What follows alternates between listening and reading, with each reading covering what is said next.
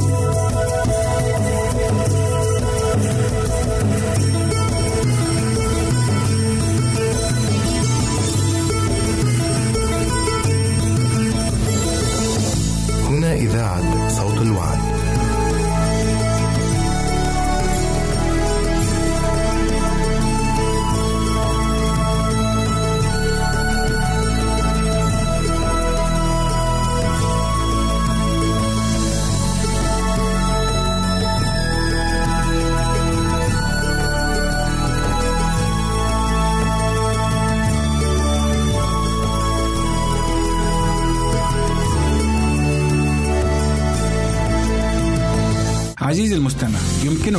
مراسلتنا على البريد الإلكتروني التالي Arabic at awr.org العنوان مرة أخرى Arabic at awr.org ونحن في انتظار رسائلك واقتراحاتك.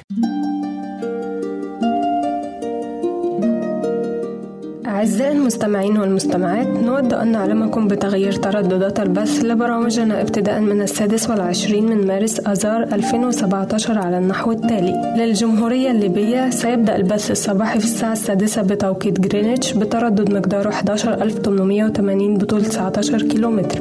والبث المسائي في الساعة السادسة بتوقيت جرينتش بتردد مقداره 11985 وبطول 25 كيلومتر. ولمنطقة شبه الجزيرة العربية والعراق ومصر. يبدأ البث الصباحي الساعة الخامسة بتوقيت جرينتش بتردد مقداره 17780 بطول 19 كيلومتر. والبث المسائي الساعة السابعة بتوقيت جرينتش بتردد مقداره 11680 وبطول 19 كيلومتر. لمنطقة المغرب العربي. يبدأ البث الصباحي الساعة السابعة بتوقيت جرينتش بتردد مقداره 15225 بطول 19 كيلومتر. والبث المسائي الساعة السابعة بتردد مقداره 11800 بطول 25 كيلومتر. نشكركم أعزائي. على استماعكم لراديو صوت الوعد.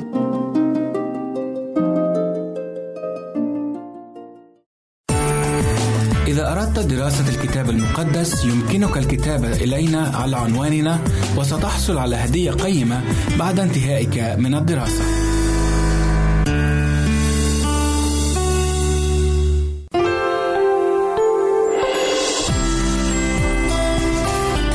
هنا إذاعة صوت الوعد. لكي يكون الوعد من نصيبك.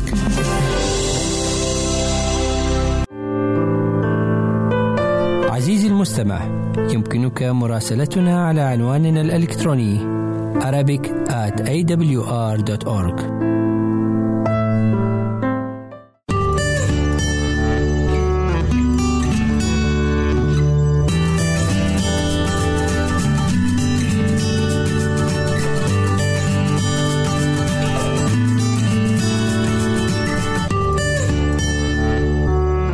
أهلا بكم أصدقائي الأحباء في تأمل جديد في كلمة الرب المباركة. النهاردة عايز أتأمل معاكم في موضوع مهم جدا. موضوع دوا من أهم أو من المواضيع المهمة في الكتاب المقدس اللي بنجد فيها صعوبة لما بنيجي فهمها. فاكرين قصة يفتح الجلعادي اللي موجودة في سفر القضاء وإزاي قدم بنته ذبيحة؟ وهل ال- الكتاب المقدس بيحفز تقديم الذبائح البشرية؟ تعالوا نقرأ قصة يفتاح الجلعادي في قضاء 11 وهنقرأ من عدد 29 إلى عدد 40 وبعد ذلك سنتأمل في هذا الجزء. يقول الكتاب المقدس: فكان روح الرب على يفتاح فعبر جلعاد ومنسى وعبر مصفات جلعاد ومن مصفات جلعاد عبر إلى بني عمون ونظر يفتاح نذرا للرب قائلا. إيه هو النذر؟ خلي بالنا. إن دفعت بني عمون ليدي فالخارج الذي يخرج من أبواب بيتي للقائي عند رجوعي بالسلامة من عند بني عمون يكون للرب وأصعده محرقة. ثم عبر يفتاح إلى بني عامون لمحاربتهم فدفعهم الرب ليده فضربهم من عرعوير إلى مجيئك إلى مينيت. عشرين مدينة وإلى إبل القروم ضربة عظيمة جدا فذل بني عامون أمام بني إسرائيل. ثم أتى يفتح إلى المصفات إلى بيته وإذ بابنته خارجة للقائه بدفوف ورقص وهي وحيدة. لم يكن لها ابن ولا ابنة غيرها. وكان لما رآها أنه مزق ثيابه وقال آه يا ابنتي قد أحزنتني حزنا وصرت بين مقدرية لأني قد فتحت فمي إلى الرب ولا يمكنني الرجوع. فقالت له يا أبي هل فتحت فاك إلى الرب؟ فافعل بي كما خرج من فيك بما أن الرب قد انتقم لك من أعدائك بني عمون. ثم قالت لأبيها فليفعل لي هذا الأمر اتركني شهرين فأذهب وأنزل إلى أو على الجبال وأبكي عذرويتي أنا وصحباتي. فقال اذهبي وأرسلها إلى شهرين. فذهبت هي وصحبتها وبكت عذرويتها على الجبال. وكان عند نهاية الشهرين أنها رجعت إلى أبيها ففعل بها نذره الذي نظر وهي لم تعرف رجلا. فصارت عادة في إسرائيل أن بنات إسرائيل يذهبن من سنة إلى سنة لينحن على بنت يفتاح الجلعادي أربعة أيام في السنة. ليبارك لنا الرب هذه القراءة. وإحنا أحباء عايزين نشوف هذه القصة. لأن كتير بيسألوا إزاي يفتح الجلعادي ينظر نظرا لله إن هو يذبح ابنته ثم يقدمها محرقة على مذبح؟ وكلمة محرقة معناها إنها بعد ما تذبح إنها توضع على مذبح وتحرق تماما وتختفي بالنار. يعني تبقى رماد. وهل الكتاب المقدس يشجع المؤمنين على مثل هذه الأعمال البشعة ألا وهي تقديم ذبائح بشرية؟ هل الكتاب المقدس بيشجع على كده؟ هل الكتاب المقدس بيقول لنا إن يفتاح ذبح بنته وبعد كده حرقها على المذبح كتتميم للنظر لله؟ تعالوا نتأمل في القصة شوية. وتعالوا نشوف الرب عايز يعلمنا إيه من هذه القصة لأنه ممكن نفاجأ بأشياء جميلة مع بعض. القصة في البداية بتقول إن يفتح نظر نظر وإن يفتح قال إن اللي خارج من بيتي هأقدمه للرب كمحرقة. مع إن الكتاب المقدس من أيام إبراهيم كان فيه وضوح شديد جدا جدا أن الله يرفض بل يبغض ما يسمى بالذبائح البشرية على الإطلاق. نقدر نكتشف الموضوع ده منين؟ من قصة إبراهيم نفسه. إبراهيم لما الرب قال له يا إبراهيم خذ ابنك إسحاق حبيبك وحيدك الذي تحبه واطلع على الجبل اللي أنا هوريه لك. وقدمه هناك ذبيحة. إبراهيم أطاع وإسحاق وإبراهيم ماشيين مع بعض. كان إسحاق بيكلم أبوه يا بابا أدي المح... أدي الحطب أدي النار أدي السكين فين الذبيحة اللي هنذبحها؟ إبراهيم قال له ها إبراهيم قال له الله يرى يا ابني. الله هو اللي هيدبر. الله هو اللي هيعين الذبيحة دي. كان في عقل إبراهيم كما ذكر في عبرانيين 11 إن الله حتى وإن مات إسحاق حرقا فالله قادر على إقامته من بين الأموات. وعندما رفع إبراهيم يده بالسكين لكي يقتل ابنه كذبيحة لله جاء ملاك من السماء ونقدر نقرأ القصة دي في تكوين 22 وناداه قائلا إبراهيم إبراهيم لا تمد يدك إلى الغلام. ليه؟ لأني قد علمت أنك تخاف الله. خلاص الامتحان أنت اكتست فيه. فجأة إبراهيم بيبص خلفه. ليه إيه؟ مظبوط ليه كبش؟ الكبش ده مين اللي جابه؟ ما كانش إبراهيم. كان الله هو اللي أرسل هذا الكبش. وأصعده إبراهيم محرقة بدلا من إسحاق. ليه؟ لأن الله يرفض هذه المحرقات البشرية. الله يرفضها. مش كده وبس. ده كمان في الكتاب المقدس الله أكد على هذه الحقيقة.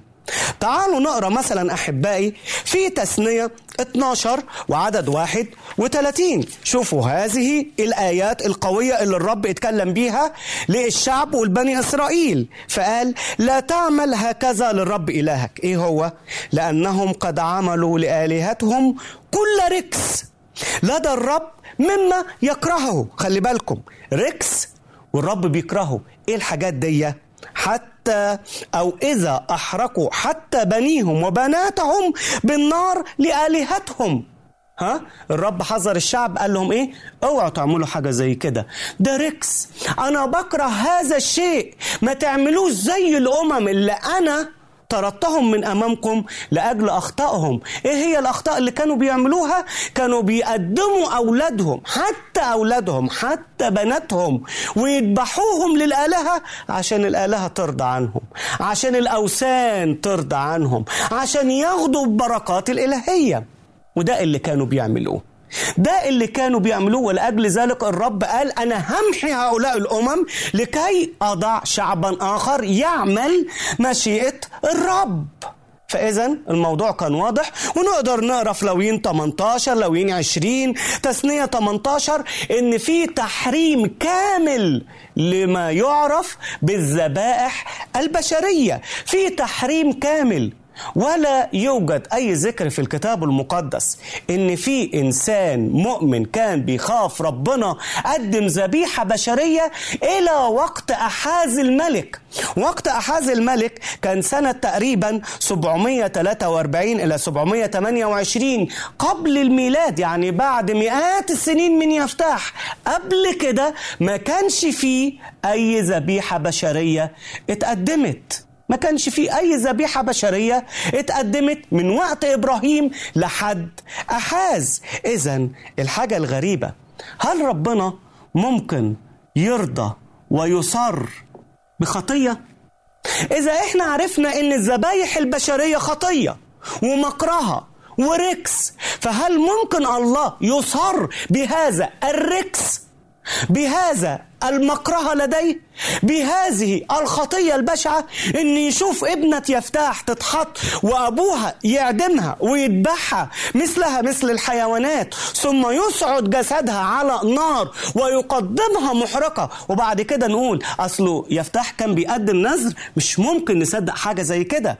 الله لا يرضى بالخطية فكيف يأمر بها؟ وكيف يقبلها؟ إزاي هيقبلها؟ اذا الموضوع ليه تفسير تاني خالص. الموضوع ليه تفسير تاني جدا. إيه هو التفسير ده؟ إيه هو التفسير ده؟ تعالوا نتأمل في القصة شوية وإحنا هنكتشف حاجات تانية. هل فع بالفعل يا أحبائي يفتاح قدم بنته ذبيحة؟ هل قتلها؟ هل حرقها بالنار بعد كده؟ لكي يتمم نذره؟ تعالوا نتأمل شوية في القصة. تعالوا هنقرأ مثلا آه الأعداد اللي هي 37 و 38 اللي بتقول هنا في الكتاب إيه؟ القصة اللي إحنا كنا بنقراها. بعد ما البنت عرفت إن باباها ندر نزل للرب قالت له أنت ندرت قال لها آه يا بنتي. قالت له طيب ثم قالت لأبيها فليفعل لي هذا الأمر. خلي بالكم من الكلمة الجاية. اتركني شهرين فأذهب وأنزل على الجبال. ليه؟ ليه؟ ليه ليه هتنزل على الجبال؟ ليه هتسيب بيت أبوها لمدة شهرين وتاخد صحباتها معاها؟ إيه الهدف؟ خلي بالكم لأن دي مهمة قوي قوي قوي راحت قالت له إيه؟ قالت وأبكي عذرويتي أنا وصحباتي. يعني إيه؟ تبكي عذريتها. يعني إيه؟ واحدة رايحة تموت. نتخيل. التفسيرات اللي بتقول إن يفتح قدامها ذبيحة. طب إنسانة رايحة تموت هتبكي نفسها إنها بنت ليه؟ حاجة غريبة. لو إحنا قعدنا نفكر في الكلمة دي الكلمة لا تتفق مع المضمون ده. لا تتفق إنها رايحة تموت انها بعد شهرين هتموت. هتبكي إنها ماتت من غير جواز؟ طب فيها إيه دي تبيك عليه؟ ده شيء بيحصل لكثيرات من النساء وفي كثيرات من النساء اخترنا العيش بدون زواج. فمش حاجة تخليها تبكي على عذرويتها لأنها هتموت ولكن في سبب آخر. يبقى اذا الموضوع ما كانتش لو كانت هتموت وباباها هيذبحها كما قال في النذر وكانت هتقدم محرقة كانت قالت له يا أبتي سيبني شهرين عشان أبكي حياتي. ده أنا اللي فاضل لي في الدنيا كلها أيام معدودة. عايز أبكي وأندب وأنوح عشان أنا مت في عز شبابي. ده أنا مت صغيرة. ده أنا لسه ما دخلتش دنيا ها؟ أنا هنتهي حياتي سريعا. ولكن ما ده كانش الهدف اللي هي بتتكلم عليه وما كانش حزنها إنها هتموت كان حزنها إنها هتفضل عذراء. دي هنعرفها بعدين. ليه حزنها على النقطة دي؟ ليه أبكي عذرويتي ليه, ليه, ليه هي بتبكي إنها عذراء؟ ليه بتنوح على هذا الشيء؟ ليه؟ إذا لم تنح أو لم تبكي ابنة يفتاح لأنها ستموت ولكن لأنها ستبقى عذراء. أبكي عذرويتي خلي بالنا من النقطة دي خلي بالنا من النقطة دي. وهنعرف أحبائي فيما بعد إزاي هذه النقطة كانت مؤثرة. فهي لم تنوح على حياتها إطلاقا. ولكنها ناحت على شيء آخر بعيد كل البعد عن التفسيرات التي وصلت إلى الكثيرين من الناس إن هي أبوها ذبحها وبعد كده قدمها على المذبح وحرقها بالنار وأصبحت رماد كل ده لكي يتمم النظر الذي نظره إيه هو السبب؟ وإيه هو التفسير الصحيح لكده؟ انتظرونا أحبائي لنهاية الحلقة وفي جزء آخر. في انتظاركم والرب معكم. فانتظرونا.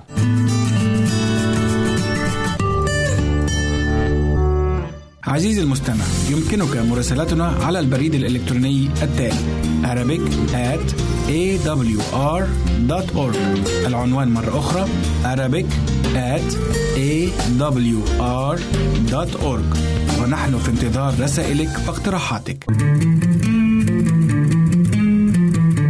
أنتم تستمعون إلى إذاعة صوت الوعد.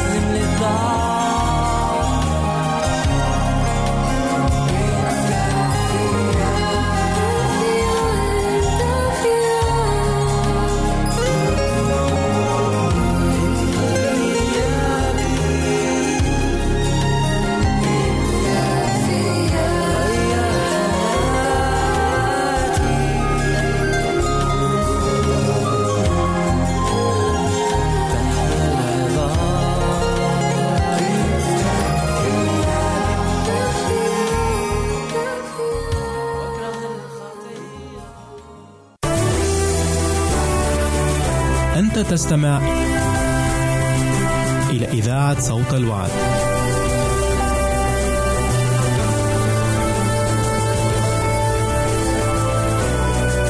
عزيزي المستمع يمكنك مراسلتنا على البريد الإلكتروني التالي Arabic at awr.org العنوان مرة أخرى Arabic at awr.org ونحن في انتظار رسائلك واقتراحاتك.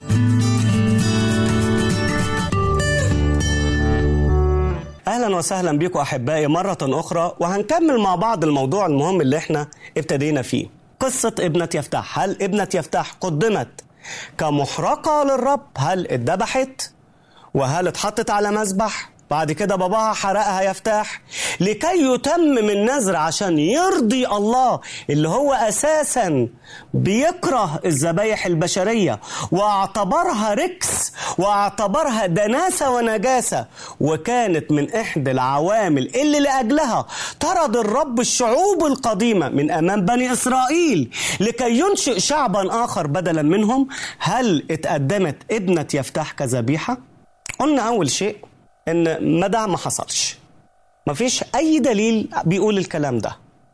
الشيء الثاني عرفنا إن ابنة يفتاح كانت بتبكي لمدة شهرين إنها عذراء وده مش حال إنسانة خايفة على حياتها لأن سواء هتموت إيه الفرق إنها ماتت عذراء؟ ولا ماتت غير عذراء. الفرق إنها ماتت صغيرة أو ماتت كبيرة. إيه الفرق لما يقولوا الواحد هنعتمك بالكهرباء ولا. هنعدمك. بالشنق مثلا. الاتنين واحد. ولكن اذا الموضوع لا يتعلق بالموت الموضوع يتعلق بشيء آخر. قلنا إيه هو الشيء الآخر؟ تعالوا نكمل أحبائي. نقرا في عدد 39 من قضاء 11 وكان عند نهاية الشهرين أنها رجعت إلى أبيها ففعل بها نذره الذي نظر الذي نظر وهي لم تعرف رجلا فصارت عادة في إسرائيل. وهي لم تكن تعرف رجلا ولم تعرف رجلا. يعني إيه العبارة دي؟ يعني إيه العبارة ولم تعرف رجلا. دي مش معناها إنها إنسانة ماتت. دي معناها الحالة اللي هي كانت موجودة فيها في ذاك الوقت إنها إلى نهاية حياتها لم تعرف رجلا على الإطلاق. اذا إيه هو النذر أساسا؟ اللي تم في ابنة يفتاح لكي نعلم ما هي الذبيحة اللي قدمت. هل هي ذبيحة بشرية تحرق وتقتل ولا في ذبيحة أهم؟ كان يفتح بيتكلم عنها وناس كتيرة جدا جدا جدا للأسف الشديد بيفهموها غلط. كان في ذبيحة تاني وذبيحة أفضل وذبيحة لا تغضب الرب وذبيحة تفرح قلب الرب مش تخليه حزين وذبيحة تخلي قلب الرب يكون في غبطة. إيه هي الذبيحة دي؟ وماذا فعل بابنة يفتاح؟ أحبائي الشيء اللي نقدر نستنتجه من هذه القصة إن ابنة يفتاح لم تمت ولم تقتل ولم توضع على مذبح وحرقت لأن ذلك مكرها للرب حتى وإن كان نذر. مكرها. ركس والله لا يصر بشيء خاطئ. أمال إيه الذبيحة اللي اتقدمت تعالوا نعرف. لو قرينا في خروج سفر الخروج 38 بيقول لنا آه آية كده حلوة قوي يمكن كتير من الناس ما بياخدوش بالهم منها. تعالوا نطلع مع بعض خروج 38 وعدد 8 وهنا الكتاب المقدس والرب بيتكلم وبيدي بعض التعليمات إلى موسى وبيقول له وصنع المرحضة من نحاس وجعضتها من نحاس من مرائي المتجندات اللواتي تجندن عند باب خيمة الاجتماع. إيه حكاية المتجندات؟ ها؟ في ناس كتير ما يعرفوش إن في خيمة الاجتماع كان في نساء متجندات يعني مقرصات يعني خادمات عاملات في خيمة الاجتماع. كل اللي نعرفه عن خيمة الاجتماع إنها للاويين واللي نعرفه عن خيمة الاجتماع إنها للكهنة. ولكن هذه أول مرة يذكر فيها أن في خيمة الاجتماع كان في نساء أيضا يخدمن الخيمة. وهؤلاء سمينا المتجندات. يعني زي واحدة بتتجند في في الجيش. يعني مكرسة حياتها لخيمة الاجتماع. وهم دول الناس اللي كانوا بينعزلوا عن كل العالم المحيط ويلتصقوا فقط في الرب ويقولوا للرب يا رب إحنا ليك وإحنا كرسنا حياتنا ليك وإحنا كرسنا عيشتنا ليك. وده اللي حصل للأسف في أيام صموئيل النبي وقت عالي لما كانوا أولاد صموئيل بيعملوا الخطية ونقدر نقراها في صموئيل الأولى 2 22 أن كانوا أولاد عالي يضاجعن النساء المجتمعات في خيمة الاجتماعات. مين النساء المجتمعات دول؟ مش اللي جايين للعبادة. بالتأكيد مستحيل يقدروا يعملوا حاجة زي كده. مستحيل إن واحدة تيجي آه، إسرائيلية ويجي كاهن يعمل معها هذه الفاحشة. ولكن كان بيعملها مع مين؟ مع المتجندات مع المتجندات اذا كان في كان في وحتى في العهد الجديد بيؤكد هذه الحقيقة ولما نقرأ في قصة ميلاد الرب يسوع في لوقا 2 36 و 37 بنلاقي إن لما القديسة مريم ويوسف النجار أخذوا الرب يسوع وراحوا الهيكل هناك قبلهم اتنين مين كان الاتنين دول؟ سمعان الشيخ ومين؟ وحنة أو حنة مين حنة؟ النبية دي كانت إنسانة ترملت بعد زواجها بسبع سنين ترملت وقعدت في الهيكل سنين طويلة جدا. طب بتعمل إيه في الهيكل؟ من المتجندات من اللي كرسوا حياتهم إلى الرب إلى خدمة الرب. وده كان السبب الرئيسي. ممكن حد يسأل ويقول آه، إذا الموضوع كده وإذا الموضوع إن بنت يفتاح لم تقتل. وبنت يفتاح لم تصعد كمحرقة إلى الرب. أمال ليه البكاء؟ هو كون إنها رايحة تخدم الرب وكون إنها رايحة لخيمة الاجتماع تخليها تقعد شهرين تبكي هي وصحباتها. سبب منطقي برضو. لا- لازم نسأل في السؤال ده. هل كون إنها رايحة للرب في خدمة مقدسة ده يخلي أبوها يحزن ويقول لها قد صرت من مقدرية ويشق هدومه ويمزقها؟ حاجة غريبة حاجة غريبة لو إحنا هنفهم كده. بس بالتأكيد مش هو ده السبب لأن كون إن إحنا نخدم ربنا ده شرف كبير لينا.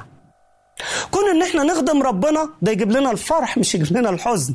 ده يجيب لنا الابتهاج ويجيب لنا الشرف والكرامة. أمال ابنة يفتاح ويفتاح حزنوا وبكوا ها؟ وناحوا ليه؟ ليه؟ ما كانش على إن ابنة يفتح ستذهب إلى خيمة الاجتماع لتكون من المتجندات في هذه الخدمة ولكن لسبب آخر. إيه هو؟ السبب الآخر. تعالوا نرجع لقضاء 11 ونقرأ ونشوف إيه هو السبب الآخر اللي كان بيركز عليه يفتاح. تعال هنقري هنقراها. وهنقرأ هذه الآية لما بيتكلم وبيوصف بنته.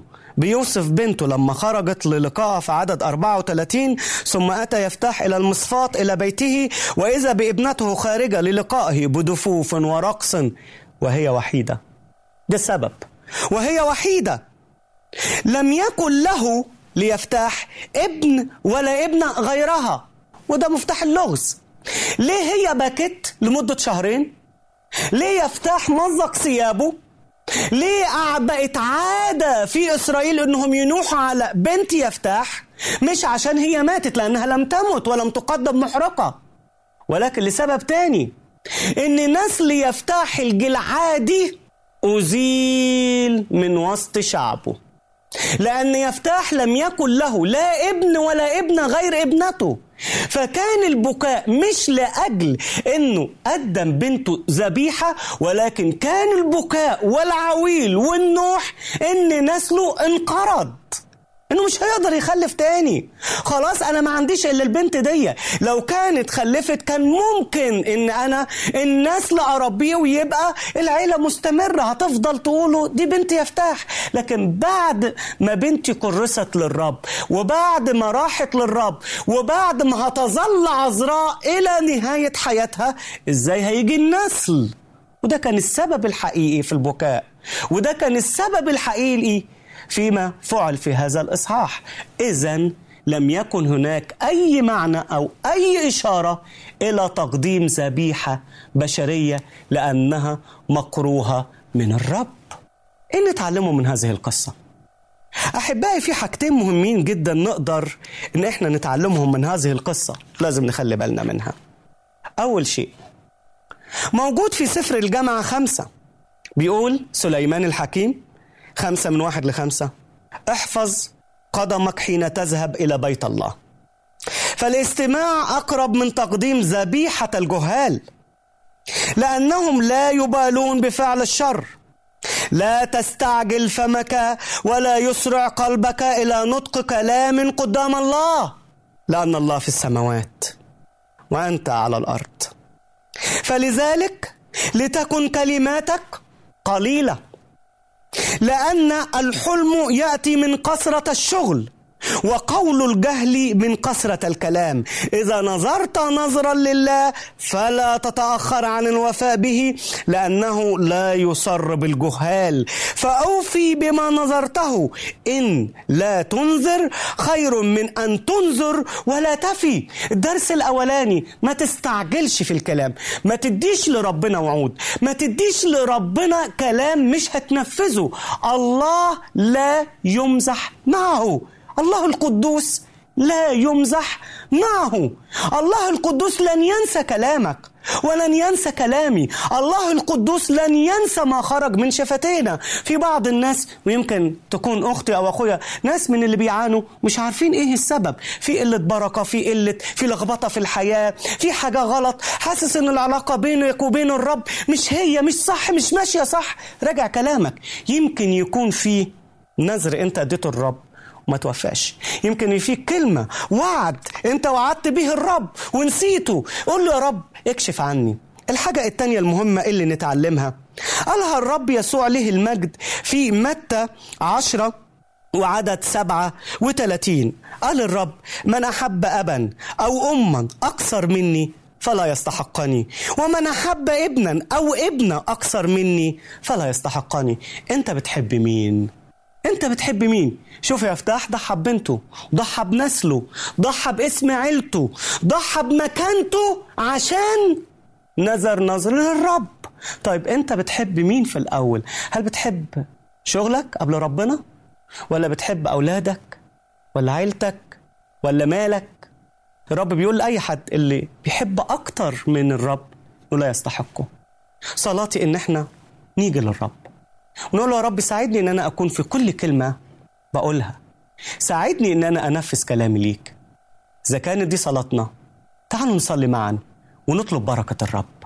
إلهنا الحبيب نشكرك يا رب من كل القلب. نشكرك يا من بك نحيا ونتحرك ونوجد. نشكرك يا من تعطينا أكثر مما نطلب أو نفتكر. نشكرك إلهنا لأنك أعطيتنا ابنك ليكون ذبيحة لأجل خطايانا. أعنا دائما يا رب لنتعلم من قصة يفتح ساعدنا دائما يا رب لكي لا نتسرع في النذر. ساعدنا دائما يا رب لكي نصون عهودنا معك. ساعدنا دائما يا رب لكي لا نحب شخص آخر أكثر منك. ساعدنا دائما يا رب لتكون أنت الملك والمهيمن على كل حياتنا. أرجوك يا رب أعطينا القوة لكي نكون أمناء لك. أرجوك أصلي لأجل كل من يسمعنا في هذا الوقت. أصلي لأجل كل يا رب من يسمع هذه الكلمة. أن تباركوا ببركات السماء. طالبين كل ذلك في اسم ربنا وفادينا ومخلصنا يسوع المسيح. استجيب ولك منا كل الإكرام والمجد. إلى الأبد. آمين. سعدت بلقائكم أحبائي على أمل اللقاء مرة أخرى. الرب يبارككم جميعاً.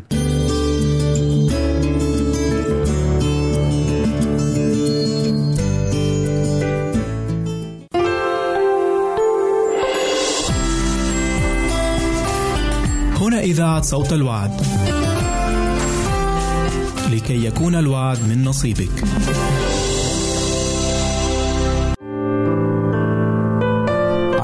المستمع يمكنك مراسلتنا على عنواننا الإلكتروني Arabic at awr.org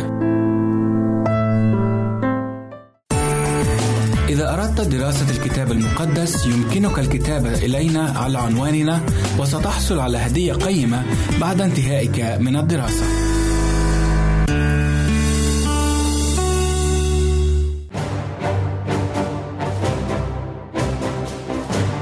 المستمعين والمستمعات نود أن نعلمكم بتغيير ترددات البث لبرامجنا ابتداء من السادس والعشرين من شهر مارس أذار 2017 على النحو التالي. للجمهورية الليبية سيبدأ البث الصباحي في الساعة السادسة بتوقيت جرينتش بتردد مقداره 11880 بطول 19 كيلومتر. والبث المسائي في الساعة السادسة بتوقيت جرينتش بتردد مقداره 11985 وبطول 25 كيلومتر. ولمنطقة شبه الجزيرة العربية والعراق ومصر يبدأ البث الصباحي الساعة الخامسة بتوقيت جرينتش بتردد مقداره 17780 بطول 19 كيلومتر. والبث المسائي الساعة السابعة بتوقيت جرينتش بتردد مقداره 11680 وبطول 19 كيلومتر. لمنطقة المغرب العربي يبدأ البث الصباحي الساعة السابعة بتوقيت جرينتش بتردد مقداره 15225 بطول 19 كيلومتر. والبث المسائي الساعة السابعة بتردد مقداره 11800 بطول 25 كيلومتر. نشكركم أعزائي على استماعكم لراديو صوت الوعد.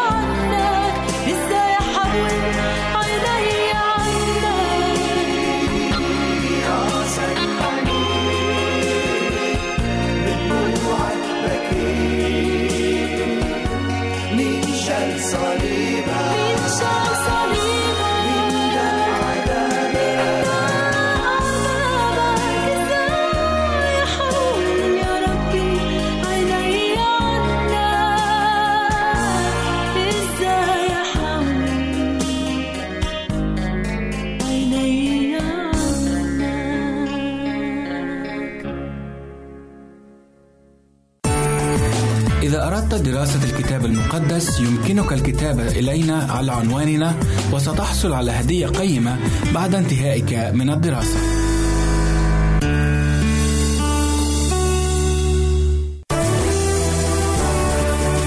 أنت تستمع إلى إذاعة صوت الوعد.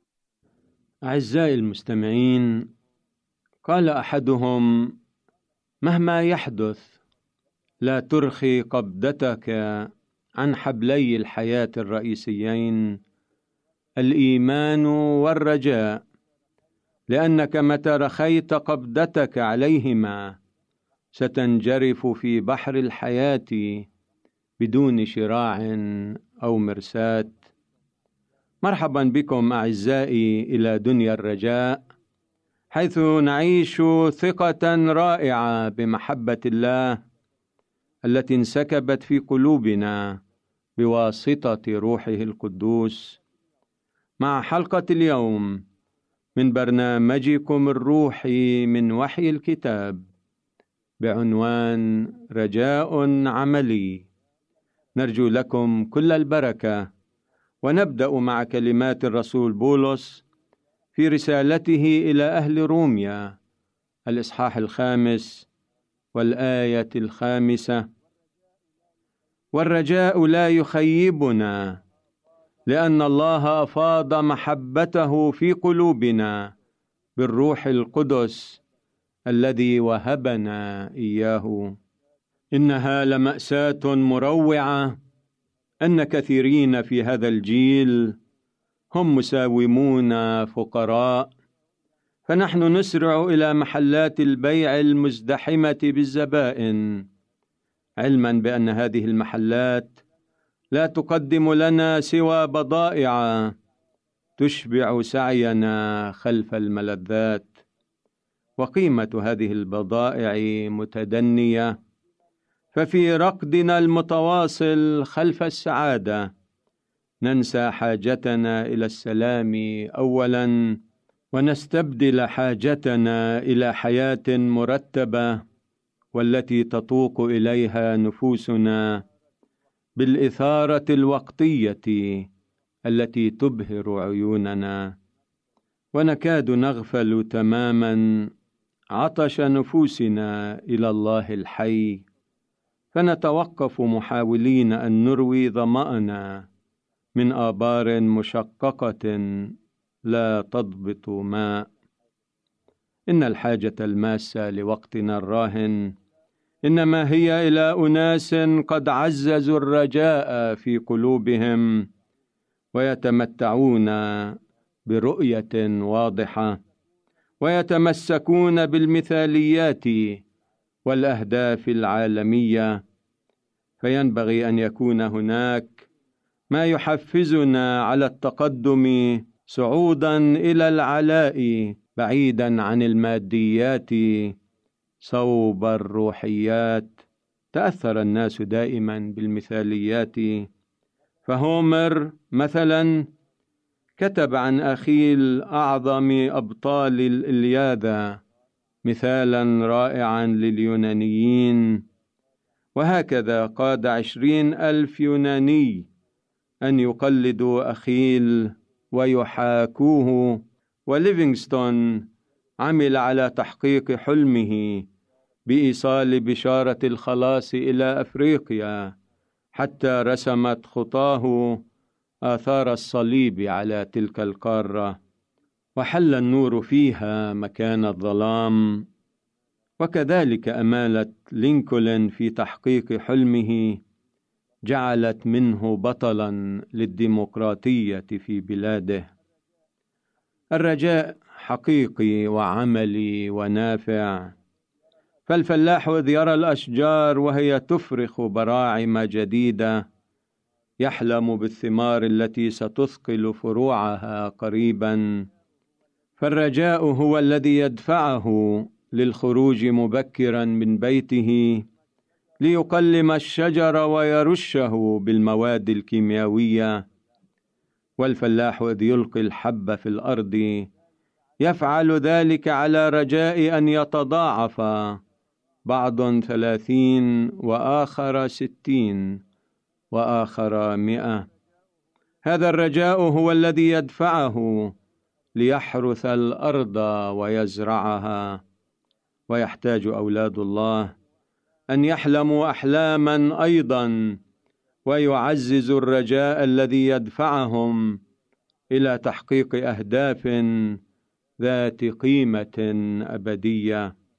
ومع أن توقعاتنا وأحلامنا قد تنبع من اختبارات صعبة وأوقات عصيبة فلنعتبرها بمثابة السلم السماوي الذي يمتد من ضعفنا البشري إلى قدرة الله غير المحدودة ولنتطلع دوما إلى أعلى السلم حيث يقف الله نور العالم ليرشد خطانا.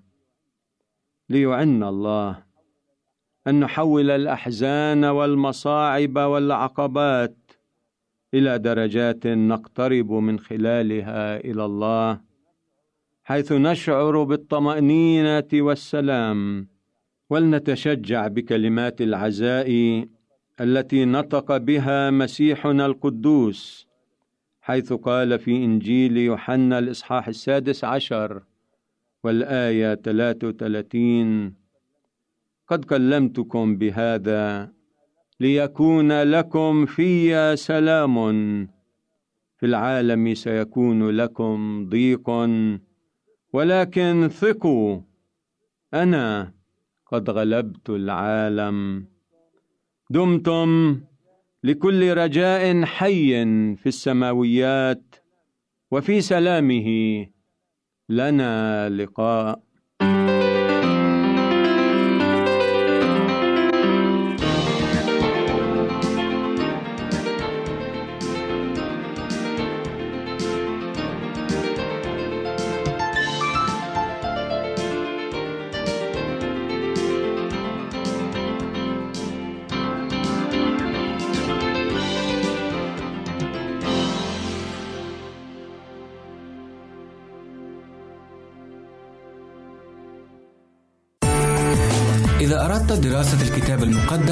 يمكنك الكتابة إلينا على عنواننا وستحصل على هدية قيمة بعد انتهائك من الدراسة.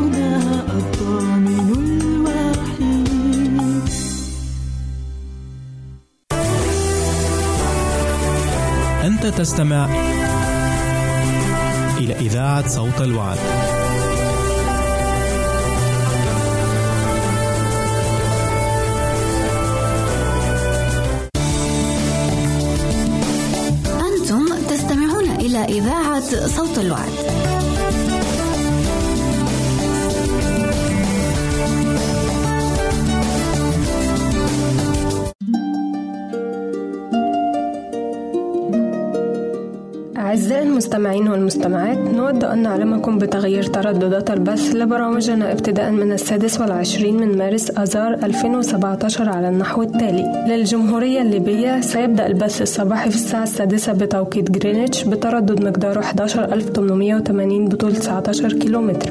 والبث المسائي في الساعة السادسة بتوقيت جرينتش بتردد مقداره 11985 وبطول 25 كيلومتر. ولمنطقة شبه الجزيرة العربية والعراق ومصر. يبدأ البث الصباحي الساعة الخامسة بتوقيت جرينتش بتردد مقداره 17780 بطول 19 كيلومتر. والبث المسائي الساعة السابعة بتوقيت جرينتش بتردد مقداره 11680 وبطول 19 كيلومتر. لمنطقة المغرب العربي. يبدأ البث الصباحي الساعة السابعة بتوقيت جرينتش بتردد مقداره 15225 بطول 19 كيلومتر. والبث المسائي الساعة السابعة بتردد مقداره 11800 بطول 25 كيلومتر. نشكركم أعزائي على استماعكم لراديو صوت الوعد.